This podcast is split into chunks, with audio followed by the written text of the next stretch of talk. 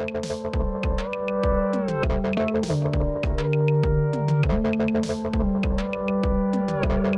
you.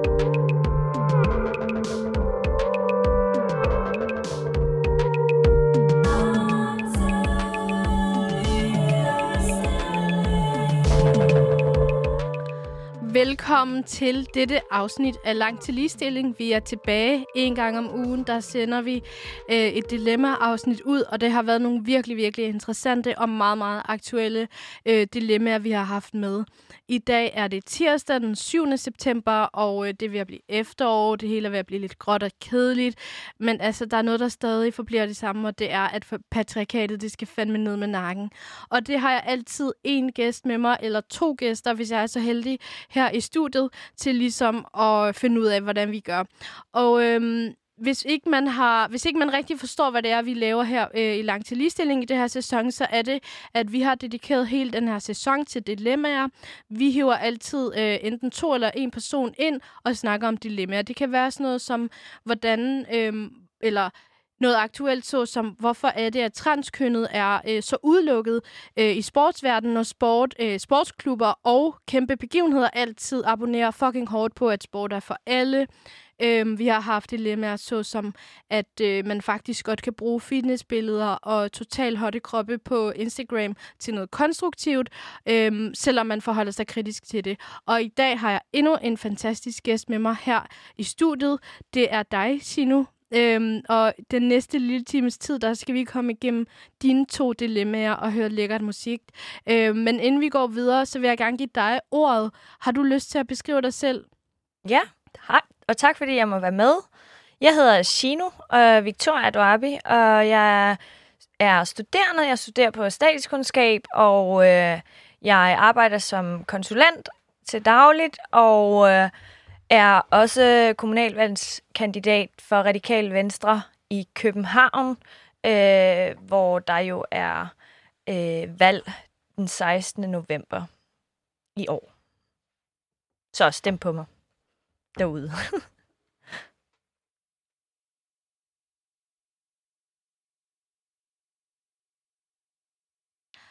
ja, det var en god intro. Og øhm, kan du fortælle lidt mere om, hvad din kampagne den indebærer? Hvad du står for? Jo, det kan jeg godt. Øh, jeg øh, går til valg på lidt forskelligt, øh, og så alligevel så hænger det virkelig meget sammen. Jeg øh, går til valg på bedre integration og definerer, hvad er det, øh, integration i virkeligheden. Øh, øh, og øh, vender den om og siger, hvordan kan København blive bedre til at integrere, og ikke hvordan individet kan blive bedre til at integrere sig.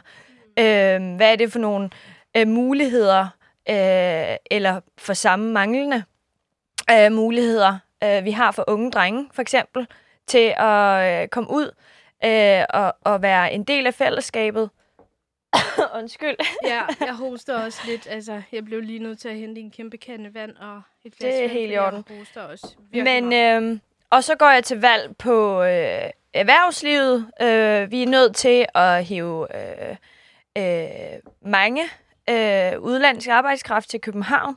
Øh, det er der behov for. Men øh, lige nu er der faktisk lige kommet ud, at øh, København ligger som nummer 71 øh, øh, ringeste, vil jeg sige, øh, ringeste øh, by for erhvervslivet at øh, have sin virksomhed. Det kan simpelthen ikke være rigtigt, at Danmarks hovedstad ikke er stedet for erhvervsdrivende. Øh, og øh, så går jeg til valg på ligestilling, og ligestilling kan være rigtig mange ting. Ligestilling dækker faktisk over alt, synes jeg jo. Øh, øh, det er fundamentet for et demokrati og et godt samfund. Så øh, der går jeg til valg på, at vi skal have øh, et ligestillingsudvalg øh, i hovedstaden.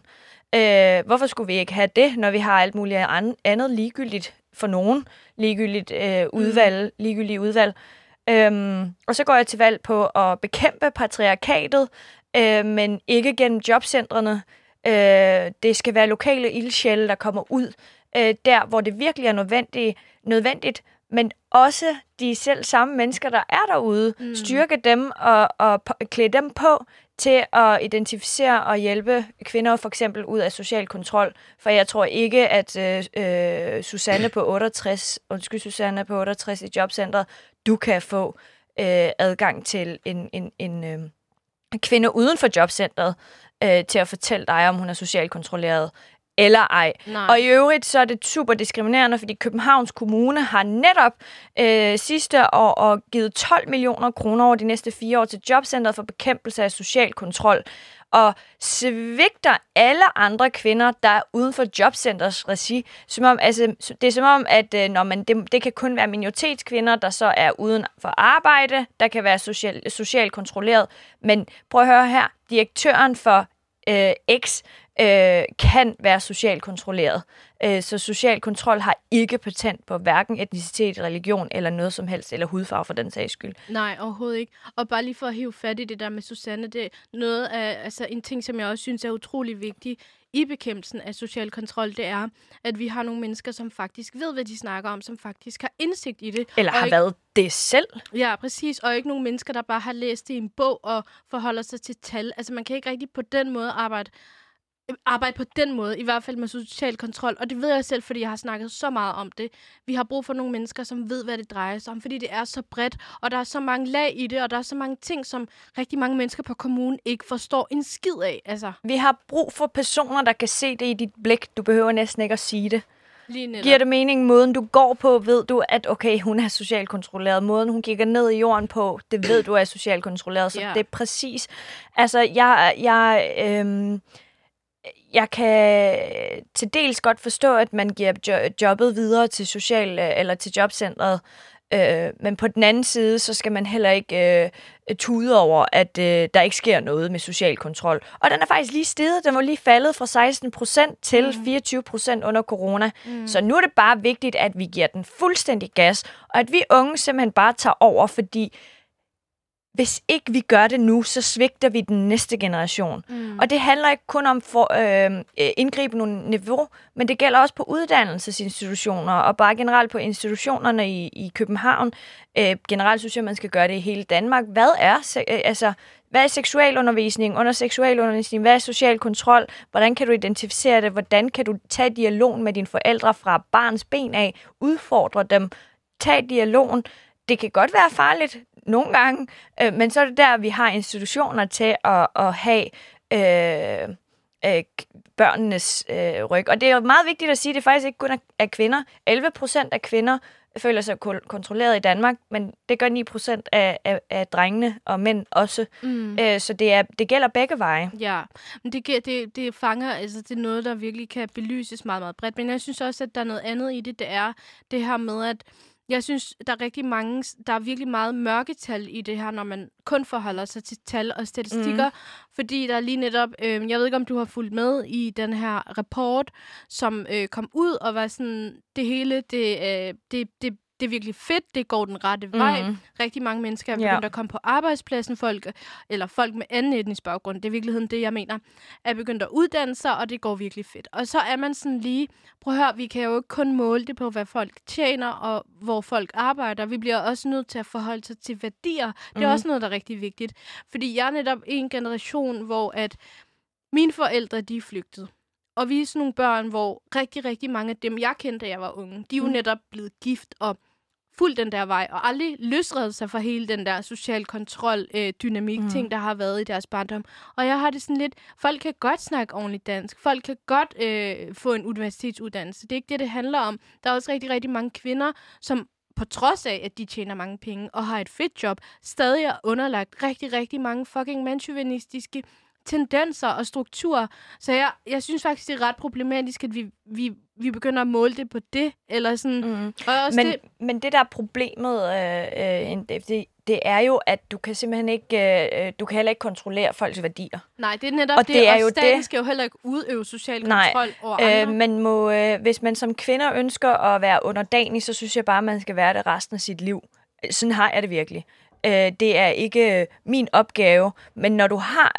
Det, det, det der er min opgave, øh, det er at give kvinden mulighed for at komme ud af det, hvis det ikke er noget, hun har lyst til. Mm. Øh, men min opgave også, min pligt, jeg føler, det er en pligt, fordi jeg er også flygtning, og min mor har været socialt kontrolleret og er blevet bortgiftet til en ulækker gammel mand. Mm. Øh, ikke min far i øvrigt. Nej. Øh, øh, Øh, så jeg føler en pligt til at gøre øh, noget godt for andre, som nogen har gjort for min mor og så videre, og, og det, det liv, jeg har fået lov til at få, fordi hun har oplevet de ting, som hun har. Så, så jeg forpligter mig til at, at øh, gøre noget godt der, øh, men jeg kan simpelthen ikke øh, tvinge, hvordan du tænker om du er dybt religiøs, om du er kristen eller muslim eller øh, katolik, det kan jeg simpelthen ikke, øh, eller jøde for den sags skyld, det kan jeg ikke kontrollere. Jeg kan bare kontrollere, eller prøve i hvert fald, at gøre en forskel og give den mulighed både til manden og kvinden, pigen og drengen, øh, eller øh, intet kønnet menneske, Ja, der, der non-binære non-binære mennesker, som hverken identificerer identificerer sig som en person eller Ja. ja.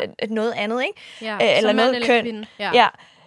Øhm, så, så, så, så, så, så jo, øh, der er patriarkalske samfund, og der er også områder i København, øh, som helt sikkert kunne blive mere frie, men jeg tror, at øh, vi skal starte fra, fra børnene. Mm. Altså fra, fra de er helt små, at, at øh, du ikke er en luder, øh, øh, fordi at øh, du har kysset med øh, øh, Nils eller sådan noget. Det er helt du er klart ikke en, du er ikke en bøsse, fordi Ja. at du er kæreste med Lisbeth. Og, øh, altså sådan, men jeg synes godt nok, at min generation af min generation, de er meget øh, frie, men det kan også godt være, hvad er det for nogle miljøer, man kommer i. Jeg vil sige, der er ikke nogen af mine veninder, der er blevet gift ud over to. Øh, og det har ikke været social kontrol, det har været ægte kærlighed, mm. øh, øh, hvor, hvor de nærmest har skulle tvinge ægteskabet for at få lov til at blive gift. Nej. Øh, fordi Og, at, når, og nu- nu når jeg siger det, når, nu når jeg tager udgangspunkt i mit eget liv og min ja. egen øh, gamle omga- omgangskreds, eller de mennesker, jeg har vokset op med, så det er klart, jeg, altså, jeg er vokset op i en meget, meget religiøs familie, har gået mm. På muslimsk privatskole og det ene og det andet. Så jeg tager bare udgangspunkt i de der super fucking konservative og patriarkalske miljøer, der var. Og, og der er der helt klart nogle af dem, som jo også er blevet gift af ren kærlighed og mm. det ene og det andet. Det, det er ikke det.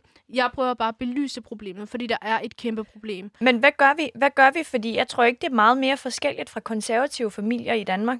Nej, jeg nej, tror, jeg ikke. vidderligt, jeg tror Men- vidderligt, at hvis konservative folkeparti, eller hvad hedder det ikke det, konservative jo, jo. folkeparti, Søren Pape øh, Poulsen. Søren, Søren Pape Poulsen. Jeg tror, hvis de var me- mindre udlænding, udlændingefjendske i deres udlændingepolitik, så er jeg sikker på, at de havde fået, fået samtlige minoritetsstemmer, øh, øh, der er religiøse, ikke? Hmm. Øh, som er religiøse. Så, så jeg, jeg kan ikke se forskellen fra et meget religiøst kristen familie til et meget, sådan, altså en meget muslimsk øh, øh, øh, øh, familie. Men det kan jeg nemlig godt, fordi jeg synes dog alligevel, at kristendommen har jo lige, ligesom fået en eller anden form for reformation, hvor at man ligesom ikke tager tingene så altså en til en-agtigt. Mm, ja, det kan du have ret i. Det er de fleste Og, og, kristne, og, men, og, men, men alligevel er der kæmpe store lighedstegn mellem både Jehovas vidne og islam, Islam. på nogle Helt punkter. Vildt. Jeg havde Ja. en pige, som øh, skrev til mig, hun, hun havde læst, jeg, havde, jeg gik meget op i social kontrol, og hun vil egentlig gerne høre, hvad hun kunne gøre rent juridisk, fordi at øh, hun har fået så meget tæsk, hun ikke kan være i det mere. Og hun havde fået, øh, hun havde klippet sine spidser, og det må man åbenbart ikke som pige. Øh, og så har hun fået simpelthen så mange tæsk, øh, hun kunne ikke være i det mere, og de troede, hun havde øh, været i seng og fået lavet sin mødom og alt sådan noget. What Altså vidderligt en, en virkelig, virkelig skøn, skøn pige. Hun er en pige, hun er under 18, Mm. øh, som ikke vidste, hvad hun skulle gøre, og har siden fortalt mig om det her miljø. Og jeg må bare sige, det har vidderligt... Øh, øh, der er virkelig ikke meget forskel fra, fra Jehovas vidner til øh, ekstrem religiøse, jeg vil faktisk kalde det islamister og ikke muslimer. Altså, Ja. det synes jeg, det er. Det er Ja, ikke jeg øh, muslimer. Godt, jeg, det, jeg gerne vil understøtte med det, du siger, det er, det, der adskiller, øh, eller det, der i hvert fald gør dem ret islamistiske, det er det der med, at alle de andre, de skal i helvede, alle de andre, de er korrekte, alle de andre, de er bare total ja. øh, failure i forhold til Ja, men os. det er også helt væk. Og Vi det så det, jeg- også lige før den der video, hvor en, en fyr råber luder, fordi... Øh, øh, og, og din mor er luder, fordi at den person i videoen, der bliver talt til, øh, har en anden politisk overbevisning end gennemsnitlig brun minoritet. Altså, det er jo også for langt ud. Men det handler bare om opdragelse, det handler om ressourcestærke forældre, eller manglende ressourcestærke forældre. Ja, manglen på ressourcestærke forældre er Ja. jo netop det, der har skabt rigtig mange af Rigtig de problemer, meget. vi har. Og det gælder også underklassen. Den danske underklasse er også altså, Helt vildt. totalt meget inde under den kategori. Men har du ikke også set de der øh, falske øh, chakaler? Altså, øh, de, de hvide, jeg, jeg, jeg, jeg kalder dem de hvide chakaler, der køber sig ind på chakalernes sprog og, og attitude og shababsene og shababsinderne. Ja. Det er også helt væk, men det er jo fordi, de kommer fra underklassen, er vokset op i ghettoen sammen og køber sig ind på det der che, skal du have noget che, eller skal du, øh, skal du have tjesk, eller du ved. Altså det, det der sprog, som de har, og den kultur, som de har sammen. Og du har fuldstændig ret, det handler om under, altså det handler klasseforskel, Mm. og det handler om, hvor man er vokset op. Men alligevel vil jeg sige, jeg kommer også fra underklassen. Mine forældre var underklassen. Jeg tror, vi begge to kommer fra underklassen, Præcis. men der er rigtig få Men af os, altså i som Danmark at underklassen, eller sådan Ja. ikke er privilegeret nok. Jeg føler alligevel, at jeg er privilegeret til en vis grad. Jeg vil ikke definere mig selv som en fuldstændig privilegeret person, men jeg føler mig privilegeret i forhold til, når jeg kigger på dem, jeg er vokset op med, og hvor de er i dag, og, og hvordan de har det i deres liv, og, og, og hvad for nogle værdier de har. Eller sådan, det ved jeg ikke. Jeg ved heller ikke, om man skal dele folk op i værdier på den måde, i forhold til hvilken klasse de tilhører, men der er virkelig forskel, og jeg tror virkelig sådan, jeg er heller ikke fan af ordet mønsterbryder, men vi er jo nogle kvinder, som jo valg, har valgt at bryde, op, eller bryde med nogle ting i forhold til de kulturelle baggrunde, vi har. Og Altså- det kan være årsagen til, at vi ligesom har altså, de holdninger, vi har. Øh, den, øh, altså det brud. Øh, jeg vil sige, min familie kommer ikke fra underklassen. De er begge to pisse højt uddannede. Mm. Den eneste grund til, at vi var, jeg siger, at vi var underklassen, det er, fordi vi kom på SU og kontanthjælp lige til at starte med i Danmark, hvor de skulle øh, lære dansk og sådan nogle ting. Øh, men jeg kommer fra en rig familie i Kurdistan, hvor min bedstefar øh, var analfabet, min mor, mormor var analfabet, men alligevel fik de formået at betale øh, uddannelse til samtlige seks børn, og det er der så kommet PhD's, du ved, de der ingeniør, Mm. PhD, læge, kirurg, at du kan blive advokat. Det, Ja. ja. Alt det er de blevet, de der seks børn, inklusive min mor. Men der, hvor jeg føler, øh, økonomisk var jeg ikke privilegeret, men værdisæt, Mm. der var jeg super i overklassen, på, som overklassen ikke engang selv kunne være med på, fordi Hvordan er det, man måler det? Hvordan måler man, at overklassen har bedre værdier end de andre? det måler man ikke på. Altså, Jeg, Hvordan ved man det? Kan du forklare øhm, mere om det? Øhm, ja, altså det her med, det er jo mega elitært sagt det her, og jeg føler mig ikke særlig elitært. Mange vil sige, at jeg er det, men det er jeg ikke i. Men, øh, men det er det her med, øh, uddannelse er vigtigt. Øh, det er dannelse, sport er vigtigt. Det er dannelse. Øh, øh, at gå op i sit øh, hår, øh, udseende, spise sundt, eller ikke spise sundt i øvrigt. Øh, behandle det er meget vigtigt, det her. Behandle mennesker, som du selv vil øh, blive behandlet. Ha' respekt for det andre tror jeg, mennesker. De fleste, øh, Det tror jeg fornuftige mennesker i verden jo ligesom det opdrager jeg deres ikke. børn til. Men også det her med de vigtigste ting, som jeg har lært hjemmefra. Du giver bare ikke op. Den er bare ikke længere. Du hedder Duabi til efternavn. Du har Duabi-blod i dig. Er det ikke normer frem for... Øh... Nej, det er ikke normer, Værdier. fordi det er, nej, det er en værdi. Det synes jeg ikke er norm. Du kæmper til det sidste for, hvad du tror på.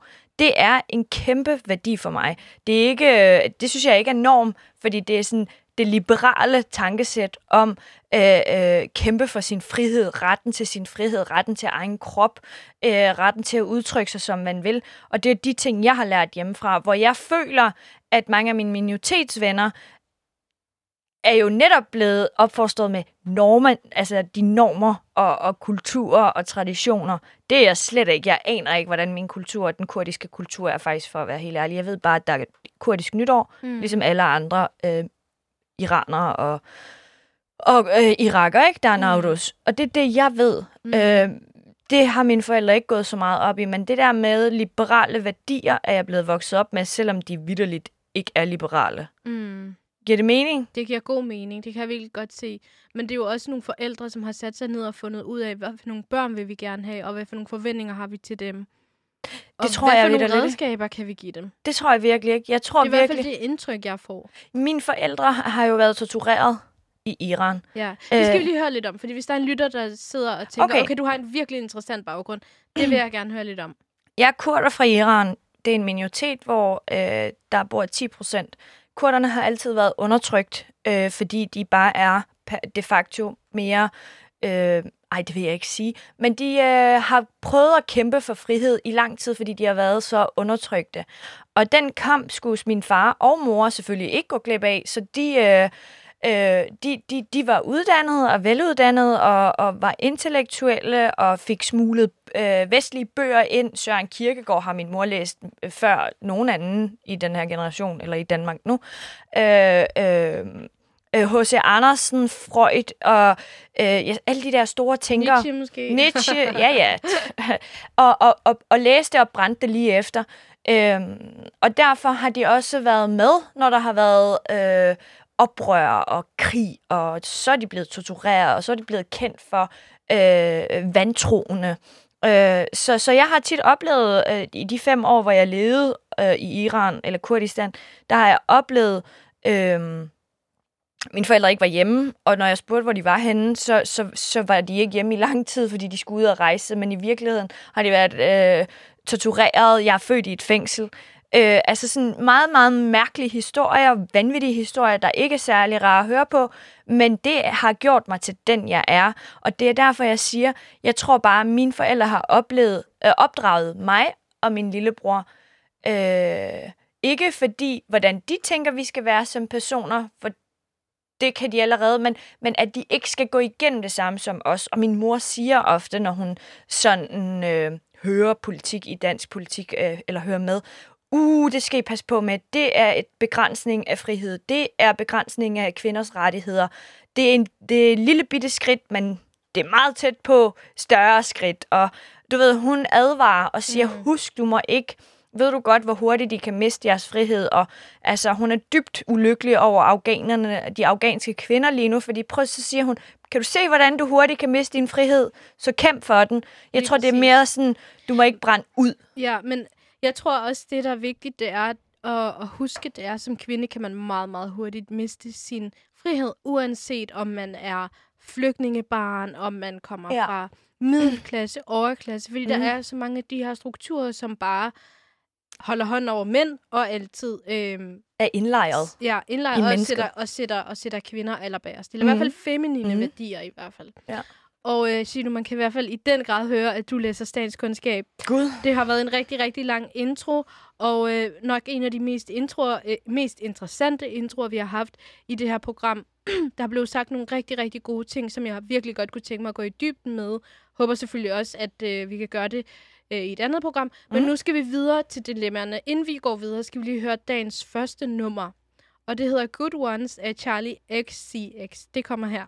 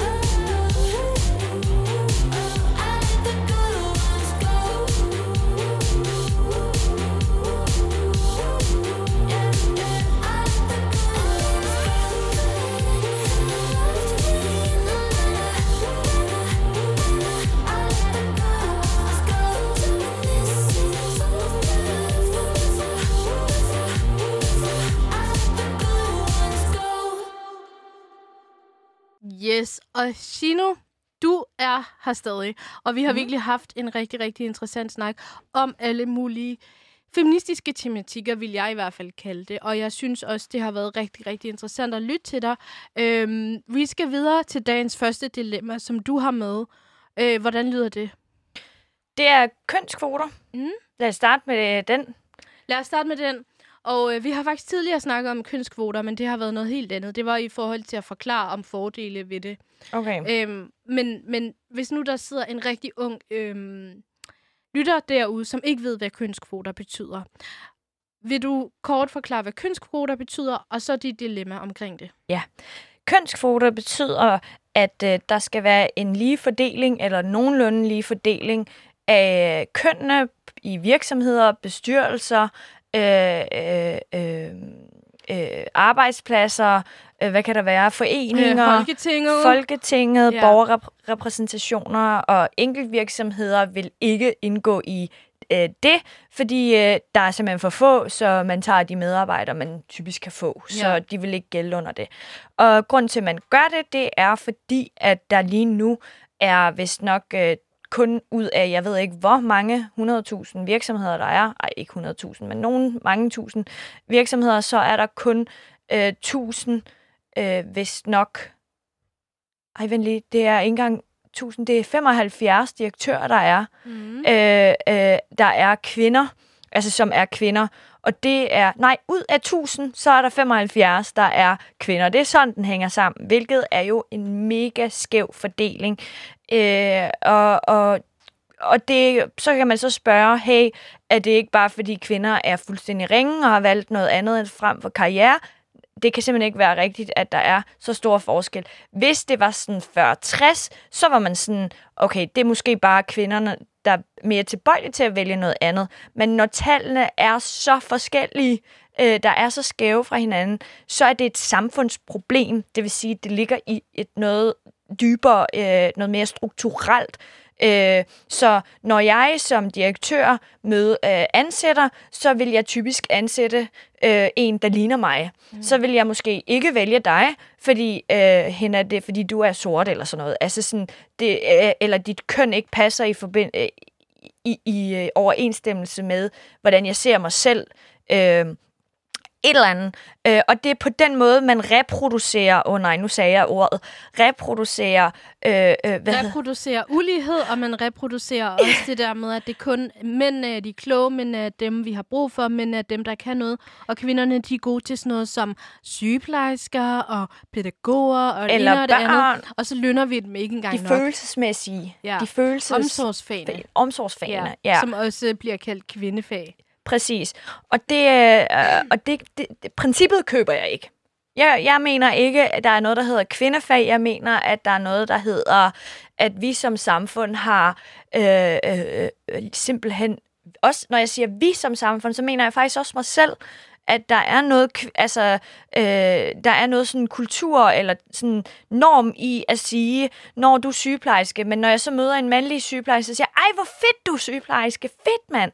Hvorfor er det mindre, mere fedt, end når en kvinde er det? Altså, giver det mening? Altså, det, det siger noget om, hvor, hvor meget vi selv har indgroet mange af de her sexistiske Præcis. strukturer, og det vi altid bliver repræs- eller det vi altid bliver præsenteret for, også bliver så normaliseret i vores hoveder, at vi bare sådan automatisk tænker, ja ja, det er jo kvinder, der plejer at tørre snot øh, for, øh, eller, øh, på børn, mm. øh, øh, på vuggestuer og børnehaver, og mænd er jo ligesom dem, der sidder på kontor og tjener mange penge og har styr på det hele. Det er så indlejret, og det ligger så dybt i os, og det er derfor, jeg er totalt fortaler for, at det er nogle ting, vi skal aflære. mm, Fordi vi er 100%. Same. præsenteret for den, lige siden vi fucking sad med en sut øh, på sofaen og så tegnefilm. Op igennem tiden, hele tiden. Og det er det, jeg ikke forstår, hvordan folk ikke kan være for det. Fordi det er ikke kun sådan øh, noget værdimæssigt, hvor alle kan føle sig lige, at vi får flere ind på, øh, på, på, på, på de forskellige arbejdspladser, foreninger og folketinget og politisk osv., men helt økonomisk set er det videns, altså videnskabeligt bevist, at det får øh, øh, øh 20 til, til, til 50 procent mere vækst for et samfund at fuldstændig ligestille gøre, altså ligestille begge køn i alle steder. Mm. Øh, nu siger jeg ikke, at absolut lighed 50-50. Jeg er meget tilfreds med 40, 60, 61, 39. Ikke i Folketinget, der vil jeg virkelig gerne have det uh, lille fordel, men sådan generelt i samfundet og på arbejdspladser, private arbejdspladser, så ser jeg det fint nok med 61, så det, bliver, det skal heller ikke være så fanatisk, så virksomheder ikke kan leve, altså ikke kan opfylde, optage øh, mm. hedder det ikke, opfylde, opfylde kravene for at drive en virksomhed. Men grund til, at jeg tager det op, grund til, det er et dilemma, jeg går tu- fuldstændig op, øh, altså, I'm, I'm all for it, men grund til, at det er et dilemma, så har jeg det også bare sådan, bro, jeg gider heller ikke blive valgt, fordi jeg er en kvinde. I'm ja. a badass bitch. Jeg skal nok vise mit... Undskyld. Derude. Ej, det, du behøver ikke sige undskyld, fordi i vores program er det meget, altså nogle meget unge mennesker, og det er så fair, at man bruger det sprog, man har. Fordi vi giver plads til, at man har, man har behov for at sætte nogle markører på sig selv, men man har også øh, behov for at være fucking frustreret og vred på patriarkatet, og bruge alle mulige fucking... Øh, ja, ord, som man måske ikke vil acceptere andre steder. Så du siger bare det, du har lyst til. Men jeg Men... i hvert fald, jeg synes selv, jeg er en badass bitch, så det behøver ikke være mit køn, der definerer mig øh, øh, øh, til at varetage en bestyrelsespost, eller en stilling som direktør, eller øh, øh medlemskab i Folketinget. Øh, sådan her. Øh, så, så det er der, mit dilemma ligger. Og så ligger den også i, at øh, jeg faktisk har læst mange gode argumenter imod køn, køn, kønskvoter. Det skal lige sige, at der er alt for mange gode argumenter for kønskvoter, men mm. der er også nogle gode, som siger det her med, at det kommer til at fastholde kvinder i bestyrelsesposter, så de ikke kan øh, stige i karriere. Øh, så det er også en, en rigtig god pointe, at man bruger kvinder til at varetage bestyrelsesposter kun øh, øh, og at de så ikke kan komme længere op i, i, i, i, i rangstien. Mm. Og, og det er virkelig også en god pointe.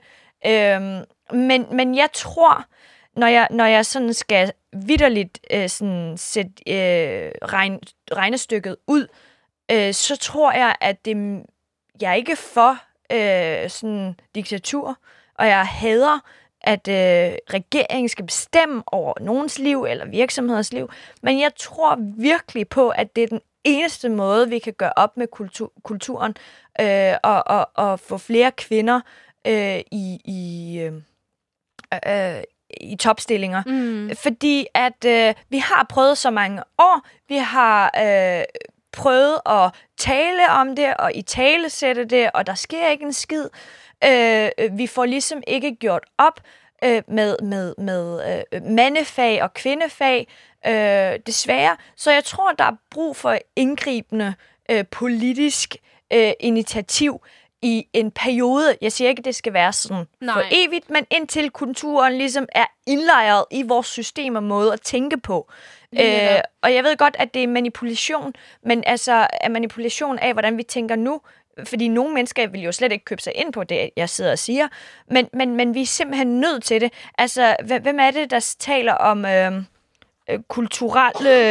Øh, øh, øh Jamen, det kan jeg ikke huske. Der var Thomas I, tror jeg, eller Bordeaux, eller et eller andet, talte om det her med, øh, at man går fra at blive øh, farmer øh, til at kunne tage en anden uddannelse. Øh, hvorfor skal vi så ikke kunne gå fra, at kvinder øh, ikke har topstillinger, til, at de skal have topstillinger, ligesom mænd. Og, og det har, tror jeg, at patriarkatet er en lille smule bange for, at der er nogle mænd, der ryster, ikke, når de men, hører det her. Nej, men jeg tror heller ikke, det er en model, man kan bruge i Danmark, fordi der, altså, der er flere kvinder, der bliver uddannet end mænd, osv. osv. Jamen, hvorfor er det så, at vi ikke bliver det? Og det kommer jeg til, tilbage til, når du spørger mig, hvad min, mit andet øh, ja, dilemma det er. lidt senere. Jeg vil bare gerne knytte nogle øh, kommentarer til det der med kønskvoter, mm. fordi jeg, jeg har det helt på samme måde. Jeg synes heller ikke, altså jeg vil ikke have, at der er nogen, der i stedet for at læse min ansøgning og kigge på min kompetence, bare tænker, okay, det er en kvinde, ind med hende. Det, det er bare det, vi har brug for, for, mm. for at udfylde eller opfylde det kriterie om, ja. at vi skal have flere kvinder. Altså det mm. er jeg også totalt meget imod. Men pointen er det her med, at lige nu, der er vores arbejdsmarked så fucking ulige, at vi bliver faktisk nødt til bare at forholde os til det på den måde, og mm. ligesom indføre nogle kønskvoter. Mm. Men det er heller ikke noget, jeg stemmer for på længere sigt, fordi det, det bliver så problematisk. Ja. Øh, og, og, og vi vil gerne have et arbejdsmarked, hvor alle laver det, de er gode til. Alle laver det, de sådan, kan lide, frem for at alle bare bliver øh, sorteret øh, fra og til øh, på grund af deres køn. Øhm, når det så er sagt, så synes jeg også, at det er rigtig, rigtig vigtigt at huske, at det her, der, der er virkelig mange nuancer i det. Der er også en, en god grund til, at rigtig mange kvinder, eller sådan, der er mange argumenter og beviser på, at at, at lige, eller uligheden er så stor. For eksempel så så jeg den her fremragende dokumentar, der hedder øh, Alle hader feminister, hvor øh, der blev øh, belyst det her med, at der er jo så mange øh, mænd på topstillinger, at det er det er bare lige for at fremhæve, eller for at understøtte det, du sagde med, at øh, der er en vis procent ulighed. Det her med, at der er større sandsynlighed for, at du finder en direktør, der hedder Lars. Altså, ja. Lars, frem for at du finder en kvindelig øh, direktør. Der hedder Fatima.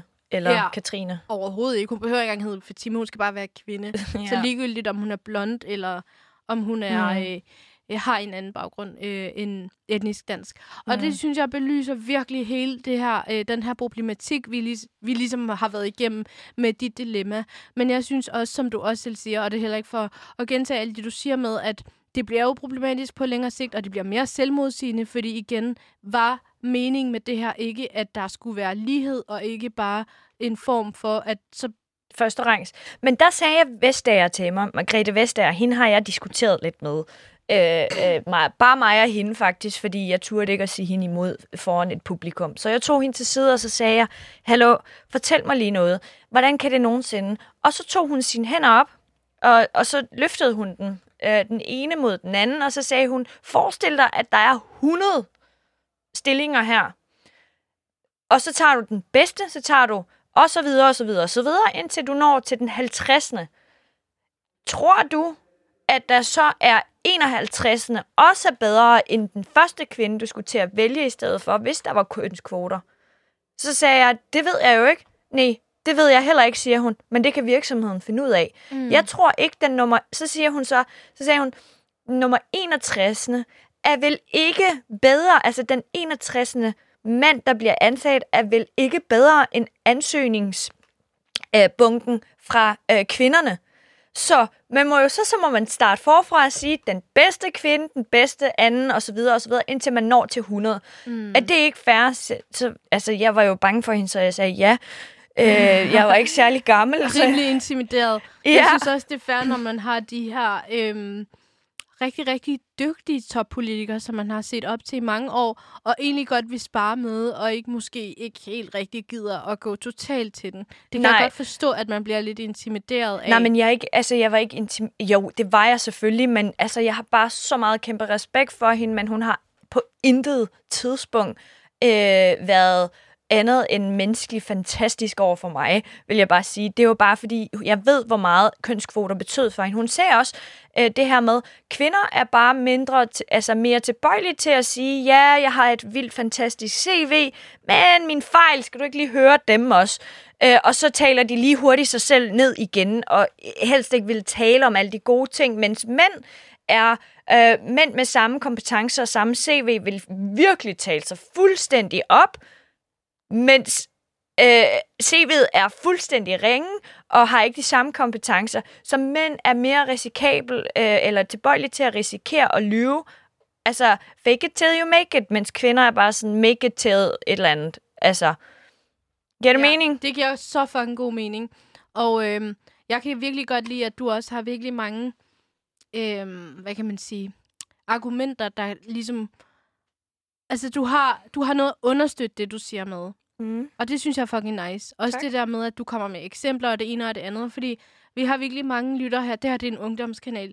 Vi har mange lytter, som måske, hvor det hele bare bliver sådan meget øhm, intern, hvor mm. vi giver hinanden ret, og så går vi videre til næste dilemma. Så jeg kan virkelig godt lide, at du nuancerer det, og du ligesom bruger noget tid på at sige, den her, den her person gav mig det her eksempel, hvilket gjorde, at jeg kunne se det for den her, den her side. Det synes jeg er fremragende. Mm. Og øhm, jeg tror, hvis vi har kommet rimelig godt rundt om det her dilemma om kønskvoter, jeg tror, det næste dilemma, det er også lidt, altså, en sag i samme side, eller hvad hedder øh, det? Ja, måske. Vi skal i hvert fald videre, og jeg vil rigtig gerne høre dit andet dilemma. Ja, okay. Jamen, mit andet, det er jo faktisk noget i samme dur, fordi øh, der er jo en grund til, tror jeg, at vi ikke får de der topstillinger også. Det er jo fordi, at kulturen og normerne og værdierne siger, at den primære omsorgsfulde person for forældre er moren. Bullshit, I call it. Så hvad Det hedder er det? totalt bullshit. Mm-hmm. Skal vi ikke lige dvæle ved det her, fordi det er bullshit, fordi det nemlig er fucking sexistisk. Helt vildt. Altså, det er totalt diskriminerende over for far. Og det er totalt 1600-tallet-agtigt at sige, mændene, det er dem, der er stærke, seje, kloge, de skal bare ud og realis- selvrealisere og alt muligt derude og gøre det ene og det andet. Kom med føde Kvinderne, og... og de, ja. de kvinderne, de er svage. De kan ikke finde ud af en skid. De kan kun amme børn og putte dem. og gøre rent. Og til lave mad. manden kommer Ja, præcis. Yes. Øhm, jeg synes, det er vildt diskriminerende. Jeg synes faktisk også lidt, det er sådan, øh, øh, sådan øh, respektløs over for det mandlige køn øh, og umenneskeligt gøre det på den måde, at det næsten er uduligt til, til det menneskelige øh, hvis man kan sige det sådan. Nå, men i hvert fald, det øh, øremærket barselslov, så for, for lige at fortælle, hvad kort det er, det er, at øh, i, jeg kan ikke huske, hvornår det var, men Lona Dybkær fra Radikal Venstre fortæller, at øh, hun kæmpede i sin tid for at give mændene 14 dages barsel, som de har i dag. Øh, så det vil sige, at kvinden skal tage de der 10 måneder barsel, 9 måneder, 10 måneder, det er, og så skal manden tage 14 dage, når han har lyst på et tidspunkt, sammen med familien, altså sammen mm. med moren mm. og, og barnet. Øhm, og så kan man sige, ej, det er godt nok uretfærdigt, eller tillykke til ham, at han har fået 14 dage. Jeg synes, det er uretfærdigt, at jeg øh, ikke kan med min fremtidige mand øh, dele om min barsel, eller Ja. vores barsel, fordi det er os, der laver et barn. Jeg føder barnet, men han giver mig den i ni, eller hvad man siger. Okay. Okay. laver barnet på mig. det, øh, tilbage. Altså, altså, vores lytter er meget, meget unge, men de er jo ikke så unge, at man skal forklare, Nej. hvordan man laver et Nej, barn, vel? nej, men der har været seksualundervisning, så I ved, hvordan det sker, så jeg har ikke patent på barnet. Så det er vores barn, så jeg vil ønske, at vi kunne dele det her, så mit barn også øh, fik den her fædrelige rolle, som jeg har haft med min far. Altså, det har været kæmpe, kæmpe inspirerende for mig, og det er tydelig forskel på mig og min lillebror, som min, min lillebror havde kun min mor, men jeg havde både min mor og far, øh, øh, øh, til, altså som, som, som, der passede som på mig og var så som det forældre. kun var moren, der Ja. var den, den primære. primære forælder. Og det er lige netop det, der er problemet, det er, at rigtig, rigtig mange mennesker, de pålægger kvinden den her øh, total øh, forældreskab. Det hvor sårbare faren, hvor menneske. faren er den, lidt, den Ja. der står bagved. Mm. Hvor man er sådan, øh, hvorfor er du ude? Skal du ikke passe barn? Øh, jo, børnene har jo også en far. Har I glemt det? Der er jo ikke en mand, der, der er jo Ej. ikke nogen, der stopper op og siger til en mand, der drikker øl med sine venner en torsdag aften og siger, Gud, hvorfor er du ikke hjemme med børnene? Det er bare sådan, Præcis. Nå, de har jo deres mor. Det, hun kan godt klare det. Det er jo hendes job. Det er der ikke nogen, der spørger dem om for det første. We aren't even there. Ja. Øh, men, men, men det, man så har kæmpet for nu øh, i Danmark i mange, mange år, det er for øh, udvidet det her øremærket barselslov. Øh, overlov. Øh, og det gik ikke.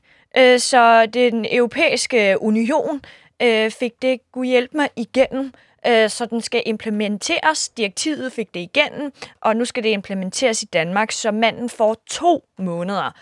Uh, altså, er det Altså, godt nok? Altså, Nej. Vi, vi er øh, vi nået lidt langt, men der er stadig rigtig langt igen. Yes. Så to måneder, sådan. to måneder, uh, I call it also a bullshit, men det er, fandme, det er altså meget bedre end ingenting. Jeg havde godt set den som 50-50, uh, men, Ja. ja. men det er desværre ikke sådan, det er. Øhm, hvorfor er det vigtigt at, at fordele barslen? Jo, Københavns Kommune har lavet en undersøgelse eller sådan en forskning, der viser, at øh, øh, når mig og min øh, klassekammerat, øh, holdkammerat på, på studiet, går ud i den samme, øh, får et arbejde samme sted øh, i en virksomhed, øh, med samme karakter, samme øh, arbejdsevner, samme fuldstændig samme speciale og whatever, jamen vi starter egentlig fuldstændig lige øh, med at stige, de der øh, kom, blive frem, øh, fremhævet, lønnen stiger sammen, og der er ikke noget forskel. Lige så snart jeg får mit første fødte barn, så går det bare nedad. Og mens jeg er på barsel, så stiger han jo. Det er jo klart, ikke? Øh, og det er jo i øvrigt, mens han også får et barn. Så Mm. hans barn er der også, mens jeg har født. Mm. Øh, men når, når jeg så kommer tilbage, så kan jeg aldrig på noget tidspunkt opnå hans karriereniveau eller løn. Mm. Så jeg mister 30 procent af de første 10 år, jeg har, efter de første 10 år, jeg har fået mit første fødte, mister jeg min 30 procent af livsindkomst, og efter 10 år, så mister jeg hele 20 procent. Det vil sige, 20 procent mister jeg, plus at jeg mister øh, en eventuel direktørleder øh, eller anden stilling. Og det er problematisk, fordi hvis, hvis øh, min kollega, som jeg sammenlignet med, lad os kalde ham øh, Jens, hvis Jens også Jens havde mulighed, hvis de begge var på barsel, mm. jamen så havde vi lige mulighed for at komme op på toppen igen, når vi vil komme tilbage. Så i virkeligheden er der heller ikke mulighed for manden. Det er totalt i øvrigt også ulighedsskabende og er uligt øh, samfund derude i virksomhederne,